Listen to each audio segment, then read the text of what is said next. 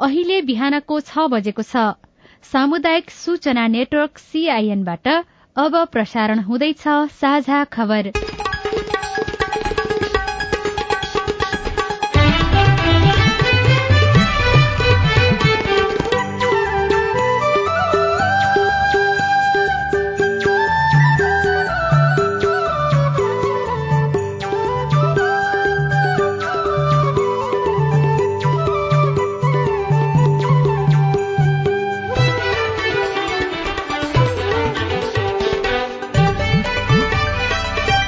शुभ प्रभात यो सीआईएन को साझा खबर हो। उषा तामाङसँगै लील प्रकाश चन्दको तपाईँलाई स्वागत छ। सामुदायिक रेडियोबाट देशैभरि एकैसाथ प्रसारण भइरहेको साझा खबर सीआईएन खबर डट कम र मोबाइल एप सीआईएनबाट पनि सुन्न सकिन्छ।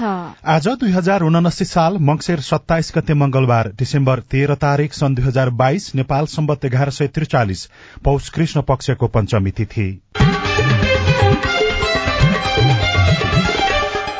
साझा खबरमा प्रमुख खबरका शीर्षकहरू।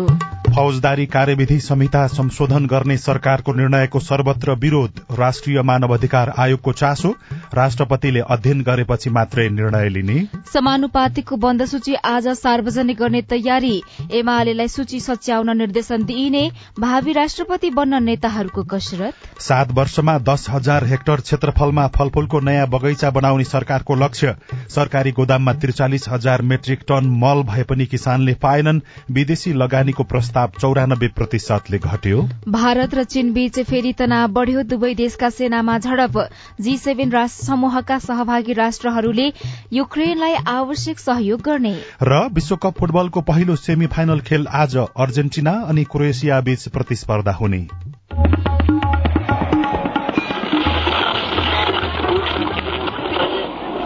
रेडियो। हजारौं रेडियो कर्मी र करोड़ौं नेपालीको माझमा यो हो सामुदायिक सूचना नेटवर्क सीआईएन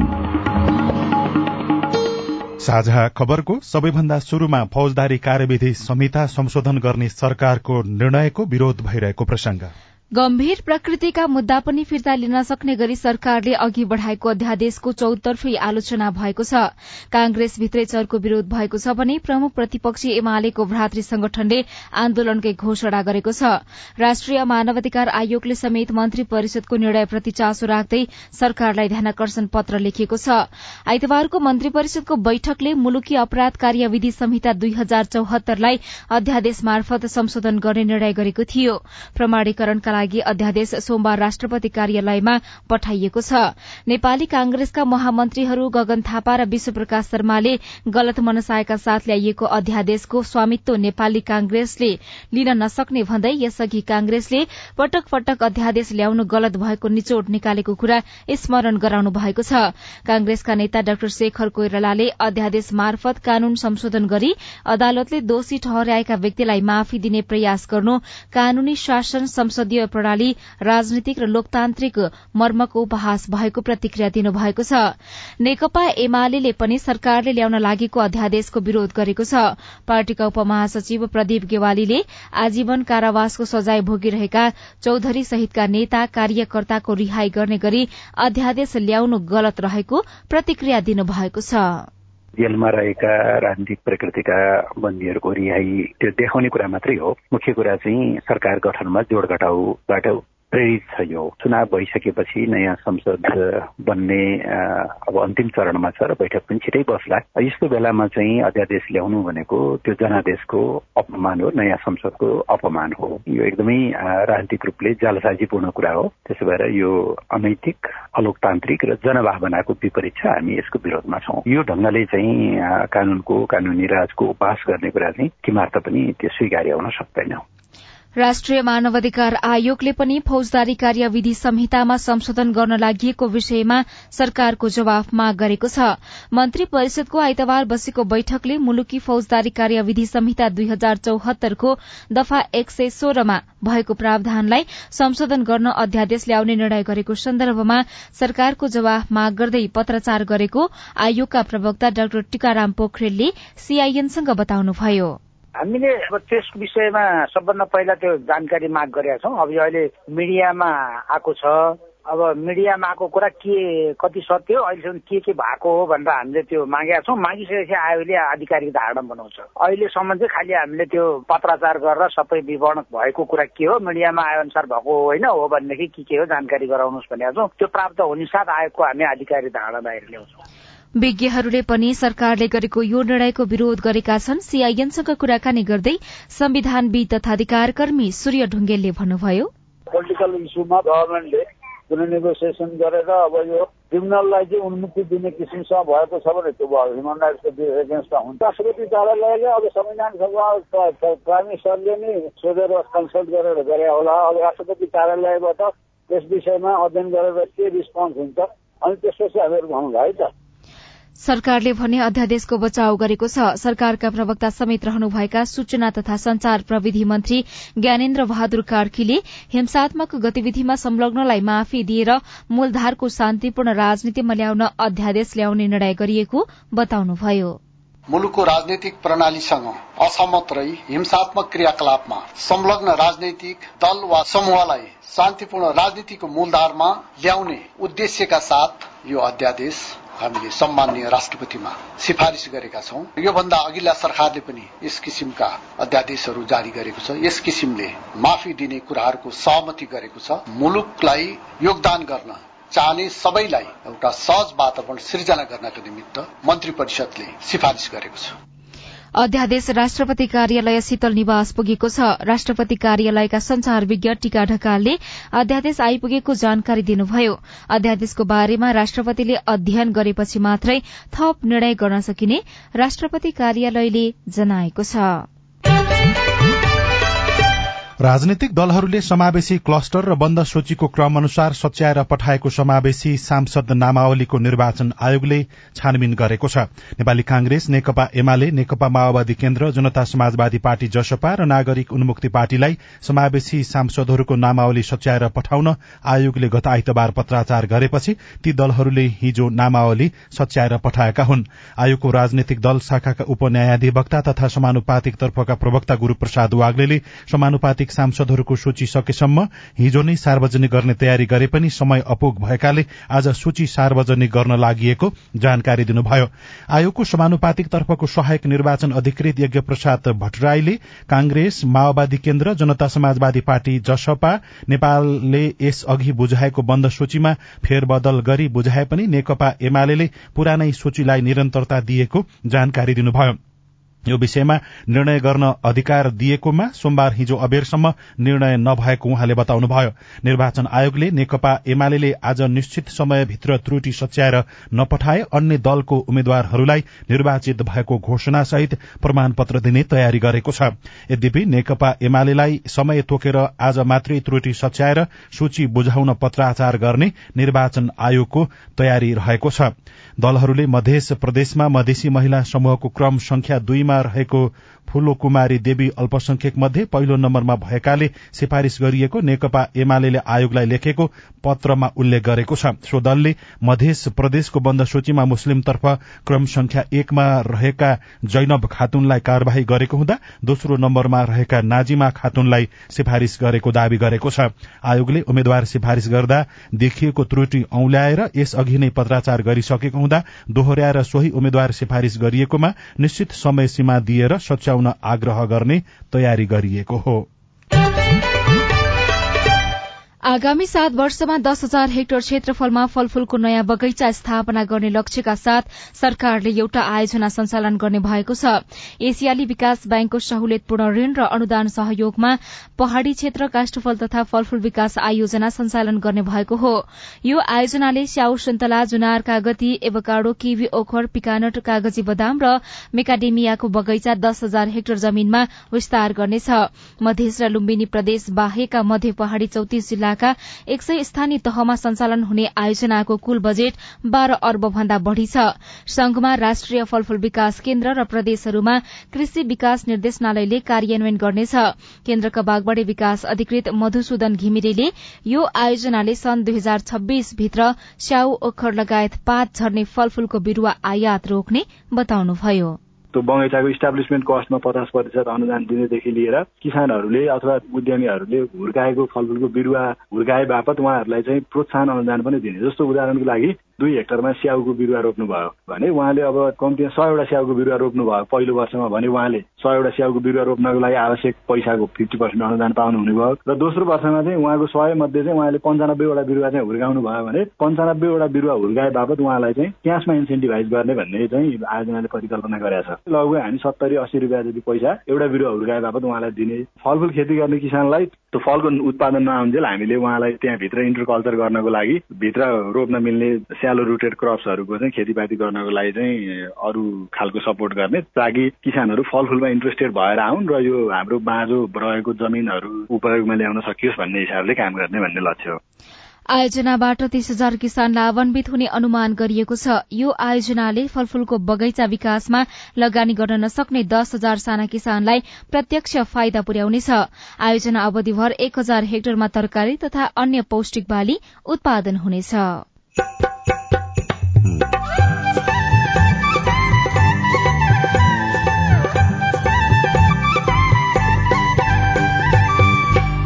सामुदायिक सूचना नेटवर्क सीआईएन मार्फत देशभरि प्रसारण भइरहेको साझा खबरमा स्थानीय तहमा बजेट र कानून नहुँदा जनप्रतिनिधिलाई काम गर्न अप्ठ्यारो। कर्मचारी ऐन पनि लागू नगरिदिने अवस्था अनि स्थानीय तहले पनि आफ्नो ऐन प्रयोग गर्न नसक्ने अवस्था भएपछि त त्यहाँ त गाह्रो हुँदो रहेछ। सरकारी गोदाममा त्रिचालिस हजार मेट्रिक टन मल तर किसानले पाएनन्। विदेशी लगानीको प्रस्ताव चौरानब्बे प्रतिशतले घट्यो। लगायतका खबर बाँकी नै छन्। सीआईएनको साझा खबर सुन्दै गर्नुहोला। नेपाल टेलिकमको सूचनाको संसार। होइन के सुनेको यस्तो ध्यान दिएर दोहोरो बोलेको जस्तो नै देख्दिन। तीन दुई एक शून्य शून्य क्या? तीन दुई एक शून्य शून्य? के हो त्यो भने? बुझिन त। ल सुन। एनटिसी प्रयोगकर्ताहरूले आफ्नो मोबाइल तथा ल्यान्डलाइनमा तीन दुई एक शून्य शून्य डायल गरी समाचार रेडियो कार्यक्रम खेल र अन्य विषय बारे सन्देशहरू जुनसुकै बेला निशुल्क सुन्न सक्छन्। ओहो निशुल्क? कस्तो सजिलो। समाचार सुन्न छुट्यो भनेर पिर लागेको थियो। अब त म पनि सुनिहाल्छु। कति रे? तीन दुई एक शून्य शून्य। सीआईएनको साझा खबर अब नेपाली पात्रोमा पनि। स्थानीय राष्ट्रिय तथा अन्तर्राष्ट्रिय समाचार नेपाली एफएम तथा अनलाइन रेडियोहरू एकै ठाउँमा सुन्न तिथि मिथि तथा पञ्चाङ्ग सम्बन्धी सबै जानकारी लिन। अन्तर्राष्ट्रिय मुद्राको नेपाली विनिमय दर सुन चाँदीको दर भाव मौसम सम्बन्धी सूचना र सार्वजनिक विधा बारेको जानकारी लिन पनि। नेपाली पात्रो अब तपाईँको मोबाइलमा। सामाजिक रूपान्तरणका लागि यो हो सामुदायिक सूचना नेटवर्क सीआईएन तपाई अहिले देशभरिका सामुदायिक रेडियो सीआईएन खबर डट कम र मोबाइल एप सीआईएनबाट एकैसाथ साझा खबर सुन्दै हुनुहुन्छ। मोबाइल एप नेपाली पात्रोबाट पनि सीआईएनको साझा खबर सुनिरहनु भएको छ। अब बाँकी खबर। मानवाधिकार रक्षकलाई सम्बोधन गर्ने गरी राष्ट्रिय मानवाधिकार आयोगले कानूनको मस्यौदा तयार गरिरहेको जनाएको छ। घटनामा पीड़ितको न्यायका लागि आवाज उठाउने मानवाधिकार रक्षकले धम्की हिंसा तथा गैर कानूनी पक्राउको सामना गरिरहेका छन्। उनीहरू वर्षौंदेखि पहिचान बिना नै खट्ने अवस्था अन्त्य गर्न राष्ट्रिय मानवाधिकार आयोगले कानूनको मस्यौदा तयार गरिरहेको हो। यसलाई सम्बोधन गर्ने गरी आयोगले तयार गरेको कानूनी मस्यौदा उप हाल सरकारवाला निकायबाट सुझाव लिने काम भइरहेको छ। आयोगका मानव अधिकार अधिकृत दिपेन्द्र बहादुर सिंहले सीआईएनसँगको कुराकानीमा भन्नुभयो। मानवका रक्षको सुरक्षा र संरक्षण र उनीहरूको सम्मान र मर्यादाका लागि यो कानून बनाउन अपरिहार्य भएकोले हामीले चाहिँ सिफारिस गरेका छौँ भनेर चाहिँ नेपाल सरकारलाई सिफारिस गर्छ। सिफारिस गर्ने क्रममा ए मसौदा पनि हामीले बनाएर दिएका छौँ। यो यो चरणमा छलफल भएर यो चाहिँ तपाईँहरूको सहजताका लागि यो यो मसौदा बनाउने काम हाम्रो होइन राष्ट्रिय मानवाधिकार आएको होइन। यो नेपाल सरकारले नै बनाउने हो। तर हामीले कस्तो भन्दाखेरि यो सहज होस् भन्नका लागि हामीले बनाएका हौँ। यो ढाँचालाई नेपाल सरकारले नमान्न सक्छ। तर कुरो के भन्दाखेरि यहाँभित्रको फन्डामेन्टल कुरो हो नि त। मानवाधिकार रक्षकका अधिकार के हुन् भन्ने कुरा र मानवाधिकार रक्षकको अधिकार संरक्षण गर्न कस्तो बनाउनुपर्छ भन्ने कुरो त हामी हामीले छलफल गरेर बनाएका छौँ। त्यसलाई चाहिँ मान्नपर्छ। बाँकी कुराको हकमा नेपाल सरकारले नै बनाउने हो। अब नेपाल सरकारले कार्यान्वयन गर्नुपर्छ यसलाई। होइन कार्यान्वयन गर्नुपर्छ। र यसले चाहिँ विशेष गरिकन तपाईँको चाहिँ मानवाधिकार रक्षकको कामलाई सम्मान दिनेछ भन्ने कुरो हो। यो मस्यौदामा मानवाधिकार रक्षकको पहिचान र अधिकार अभिलेख तथा प्रोत्साहन सुरक्षा सम्बन्धी व्यवस्था कोष तथा कसुर र सजाय सम्बन्धी व्यवस्था प्रस्ताव छ। अब आज काठमाडौँबाट प्रकाशित पत्र पत्रिकाको खबर कान्तिपुर दैनिकमा राष्ट्रपति बन्न कसरत शीर्षकमा बबिता शर्माले लेख्नु भएको छ। निर्वाचनमा कुनै पनि गठबन्धनको सुविधाजनक बहुमत नआएको अवस्थामा भावी राष्ट्रपतिका लागि नेताहरूको दौड़धूप पनि चलिरहेको छ। सत्ता गठबन्धन नै बहुमतको नजिक रहेकाले राष्ट्रपतिका आकांक्षी नेता आफ्नो पार्टी र गठबन्धनभित्र अनुकूलता जुटाउने गृह कार्यमा छन्। राष्ट्रपति कुन पार्टीका तर्फबाट हुने भन्ने टुंगो भने लागिसकेको छैन। कांग्रेसभित्र प्रधानमन्त्रीको दावी पेश गरेका धेरैजसो नेताले विकल्पमा राष्ट्रपति बन्ने चाहना राखेका छन्। कांग्रेस सभापति शेरबहादुर देउबा नेता रामचन्द्र पौडेल महामन्त्री गगन थापाले प्रधानमन्त्रीमा दावी गरिसक्नु भएको छ। गठबन्धनमा आबद्ध दललाई मनाएर आफ्नो नेतृत्वमा सरकार र कांग्रेसबाटै राष्ट्रपति बनाउने देउबाको योजना छ। प्रधानमन्त्री देउबा सकेसम्म सांसद नभएको व्यक्तिलाई राष्ट्रपतिमा पठाउने पक्षमा हुनुहुन्छ। सरकार निर्माणका लागि एक मत पनि महत्वपूर्ण रहेकाले संसद बाहिरबाट राष्ट्रपति बनाउने पक्षमा उहाँ नरहेको स्रोतले बताएको छ। आफूले राष्ट्रपति पाए प्रधानमन्त्रीमा देउबालाई समर्थन गर्न नेता पौडेल तयार देखिनु भएको छ। सरकार निर्माणमा एक मतको पनि महत्व भएकाले गैर सांसदलाई राष्ट्रपति बनाउने पक्षमा देउबा देखिनु भएको छ। अहिलेका उपराष्ट्रपति नन्द बहादुर पुन त्यसै गरी नेकपा एकीकृत समाजवादी पार्टीका नेता माधव नेपाल झोलनाथ खनाल अग्नि सापकोटा कृष्ण बहादुर महरा लगायतका नेताहरू कसरतमा रहेको भनेर टिप्पणी गरिएको छ। भेत्री पन्नामा कर्मचारी फकाउन लुम्बिनीमा प्रोत्साहन रकम प्रस्ताव शीर्षकमा घनश्याम गौतम लेख्नुहुन्छ। संरचना र पूर्वाधार बिना लुम्बिनी प्रदेश राजधानीको मन्त्रालय सार्न आनाकानी गरिरहेका कर्मचारी फकाउन सरकारले थप प्रोत्साहन भत्ता दिने तयारी गरेको छ। लुम्बिनीका मुख्यमन्त्री कुलप्रसाद केसीले नयाँ सरकार गठन नहुँदै अस्थायी मुकाम बुटोलमा रहेका मन्त्रालय दाङको देउखुरीका अस्थायी संरचनामा सार्न थालेपछि कर्मचारीहरूले विरोध गरेका छन्। विद्रोह गर्ने चेतावनीसम्म दिएका कर्मचारीको सुविधाका लागि सरकारले घर बहाल बापत थप रकम दिने तयारी गरेको हो। घर भाडा भन्दै तीन हजार पाँच सयदेखि नौ हजार रूपियाँसम्म थप गर्ने तयारी भएको छ। नयाँ पत्रिकाको अर्थ पत्रिका पृष्ठमा सरकारी गोदाममा त्रिचालिस हजार मेट्रिक टन मल तर किसानलाई छैन शीर्षकमा भोजराज भण्डारी लेख्नुहुन्छ नेपालमा मल आयात गर्ने दुई आधिकारिक कम्पनी कृषि सामग्री लिमिटेड र सल्ट ट्रेडिङ कर्पोरेशनसँग पर्याप्त मौजदात हुँदाहुँदै पनि किसानले मल पाउन सकेका छैनन्। कृषि तथा पशुपन्छी विकास मन्त्रालयका अनुसार अहिले दुई कम्पनीमा गरी बयालिस हजार नौ सय त्रियासी मेट्रिक टन मल मौजदात छ। जसमध्ये एक्काइस हजार सात सय चौसठी मेट्रिक टन युरिया र डीएपी पोटास गरी एक हजार नौ सय बत्तीस मेट्रिक टन मल कृषि सामग्री कम्पनीसँग मात्रै छ। बाँकी मल साल कर्पोरेशनसँग रहेको छ। तर गहुँ र आलु लगायत अन्य तरकारी खेतीको समयमा किसानले युरिया मल पाउन सकेका छैनन्। यो सिजनमा करिब दुई लाख मेट्रिक टन मल चाहिने किसान महासंघका अध्यक्ष गणेश तिमल सिन्हाले बताउनुभयो। तर सिजनकै समयमा पुनः मल अभाव भएपछि किसानहरू देशका विभिन्न ठाउँमा आन्दोलन गर्न बाध्य भएका छन्। कृषि सामग्री कम्पनी लिमिटेडका प्रबन्ध निर्देशक राजेन्द्र बहादुर कार्की भने मल अभाव नभएको बताउनुहुन्छ। प्रदेशको कोटा अनुसार स्थानीय तहले मल नउठाउँदा अभाव भएको उहाँको भनाइ छ। सोही पृष्ठमा विदेशी लगानी प्रस्ताव चौरानब्बे प्रतिशतले घट्यो शीर्षकमा खबर छापिएको छ कोविड महामारी रूस युक्रेन द्वन्द लगायत कारणले विश्व अर्थतन्त्रमा मन्दी छाएपछि नेपाल भित्रिने प्रत्यक्ष वैदेशिक लगानी एफडीआई प्रभावित भएको छ। चालू आर्थिक वर्षको पहिलो पाँच महिना साउनदेखि मंगिरमा गत वर्षको सोही अवधिको तुलनामा विदेशी लगानीको प्रस्ताव त्रियानब्बे दशमलव आठ एक प्रतिशतले घटेको हो। उद्योग विभागमा पछिल्लो पाँच महिनामा विभिन्न देशका लगानीकर्ताबाट बाह्र उद्योग परियोजना योजनामा एक अर्ब पचासी करोड़ लगानी गर्ने प्रस्ताव आएको छ जबकि गत वर्षको सोही अवधिमा विदेशी लगानीकर्ताबाट एक सय बाह्र कम्पनीमा नौ उन्तिस अर्ब पञ्चानब्बे करोड़ रूपियाँ लगानी गर्ने प्रस्ताव आएको उद्योग विभागले जनाएको छ। नागरिक दैनिकमा कमजोर संरचनाले फुट्यो मेलम्ची पाइप शीर्षकमा हिमाल लम्सालले लेख्नु भएको छ मेलम्चीको पानी काठमाण्डुमा वितरण थालेको तेस्रो दिन पाइप फुटेर सड़कमा निस्कदा लैनचौर क्षेत्रको यातायात अस्तव्यस्त बन्यो। मेलम्ची आयोजनाको मुहानमा मात्र होइन उपभोक्ताका घरसम्म पानी पुर्याउँदा पनि आउन सक्ने विपत्तिको यो एउटा नमूना बन्न पुगेको छ। काठमाडौँ उपत्यका खानेपानी लिमिटेड केयूकेएल आयोजना कार्यान्वयन कार्यान्वयन निर्देशनालयले केही वर्ष अघि नै पाइप विस्तार गर्न पाइप विस्तार कार्य सम्पन्न गरिसकेको बताएको थियो। गोर्खापत्र दैनिकको भित्री पन्नामा नयाँ गन्तव्यमा बढ़्यो आकर्षण शीर्षकमा सीता शर्माले खबर लेख्नु भएको छ नयाँ नयाँ श्रम गन्तव्य देशमा जाने नेपालीको संख्या बढ़न थालेको छ।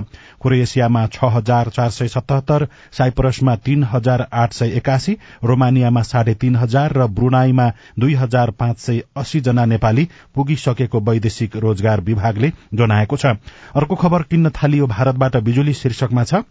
नेपाल विद्युत प्राधिकरणले भारतको खुला बजारको डे अहेड मार्केटबाट विद्युत खरिद गर्न शुरू गरेको छ। करिब दुई हजार दुई सय मेगावाट जडित क्षमता र उच्चतम माग करिब एक हजार छ सय मेगावाट रहे पनि प्राधिकरणले व्यावसायिक लाभ हेर्दै आयात शुरू गरेको खबरमा उल्लेख गरिएको छ। साझा खबरमा अब हेलो सीआईएन स्नेहा कडबाट। नमस्कार मेरो नाम धनराज सुन्दर हो रिकु तामाकोशी गाउँपालिका एक दुरा गाउँबाट मैले मिति दुई हजार उनसत्तरी साल मङ्सिर एक्काइसमा राष्ट्रिय परिचय पत्रको फारम भरेको थिएँ। फारम भर्ने क्रममा मेरो बुवाको नाम तेज कुमार सुन्दर हुनुपर्नेमा तेज बहादुर सुन्दर भई मिस्टेक भएर आएको रहेछ। सो नामलाई सत्याउन मिल्छ कि मिल्दैन? तपाईँको जिज्ञासा मेटाउँदै हुनुहुन्छ जिल्ला प्रशासन कार्यालय रामेछापका नायब सुब्बा लक्ष्मण भुजेल। सच्याउन त मिल्छ अब अहिले त प्रिन्ट गरेका छैन। यहाँ जिल्लाबाट सच्याउने व्यवस्था छैन त्यसको। अनि डकुमेन्ट त त्यसलाई पुस्ने भने कागजात लिएर निवेदन दिनु भन्नु न त्यो पहिले भरेको फर्मको निस्सा यो उहाँसँग के छ डकुमेन्ट त्यो सहित पञ्जीकरण विभाग निवेदन दिनु पर्यो। मेरो नाम दिपेश देवकोटा दार्मा गाउँपालिका सल्यानदेखि यातायात व्यवस्था कार्यालय दाङले सोह्र सेप्टेम्बरमा रिटायर काटेको आजसम्म त्यसको ट्रायल गराएको छैन। तपाईँको प्रश्न सुनिसकेपछि यातायात व्यवस्था कार्यालय दाङका प्रमुख काली बहादुर बस्याल भन्नुहुन्छ।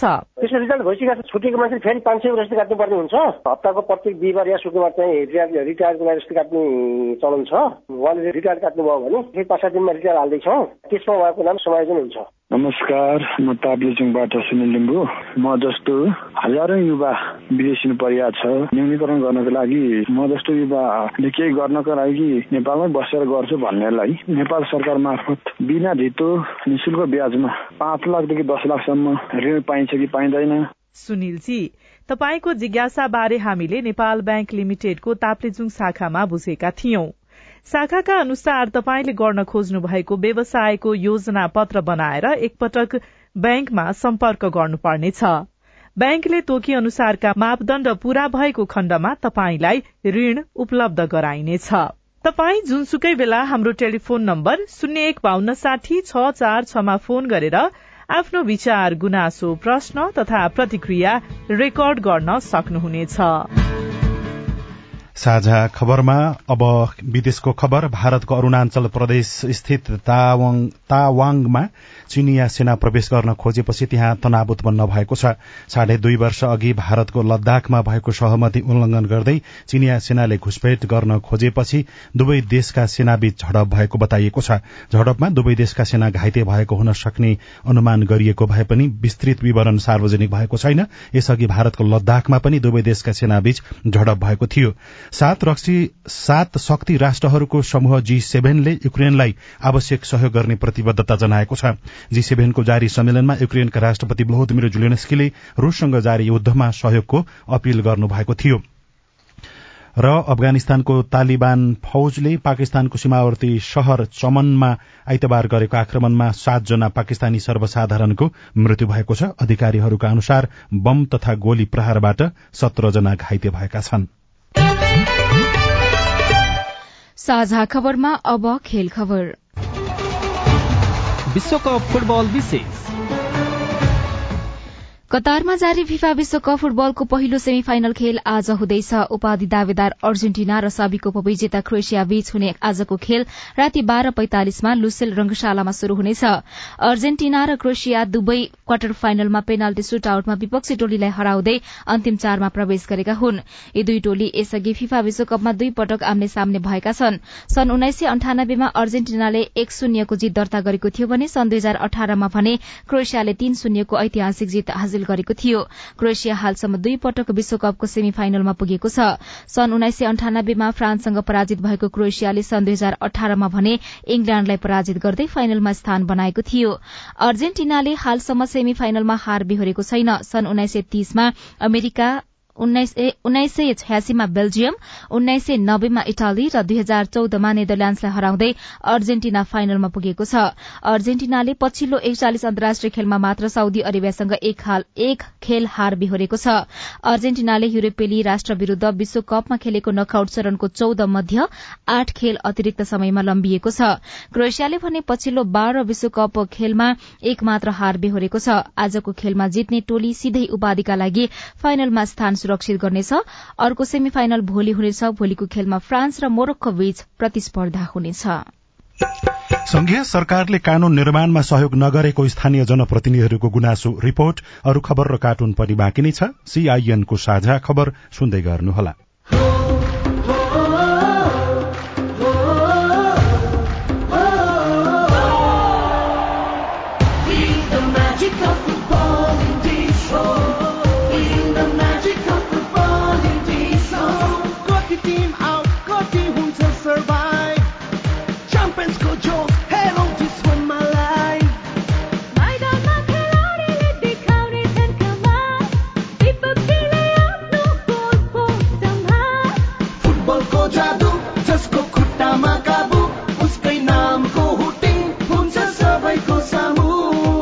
सँगै फुटबल हेर्दै चिल गरौँ। डिसोममा घरमा स्टेडियमको फिल गरौँ। बल लाग्दा पोलमा सुट हुन्छ गोलमा हल्ला हुन्छ गोलमा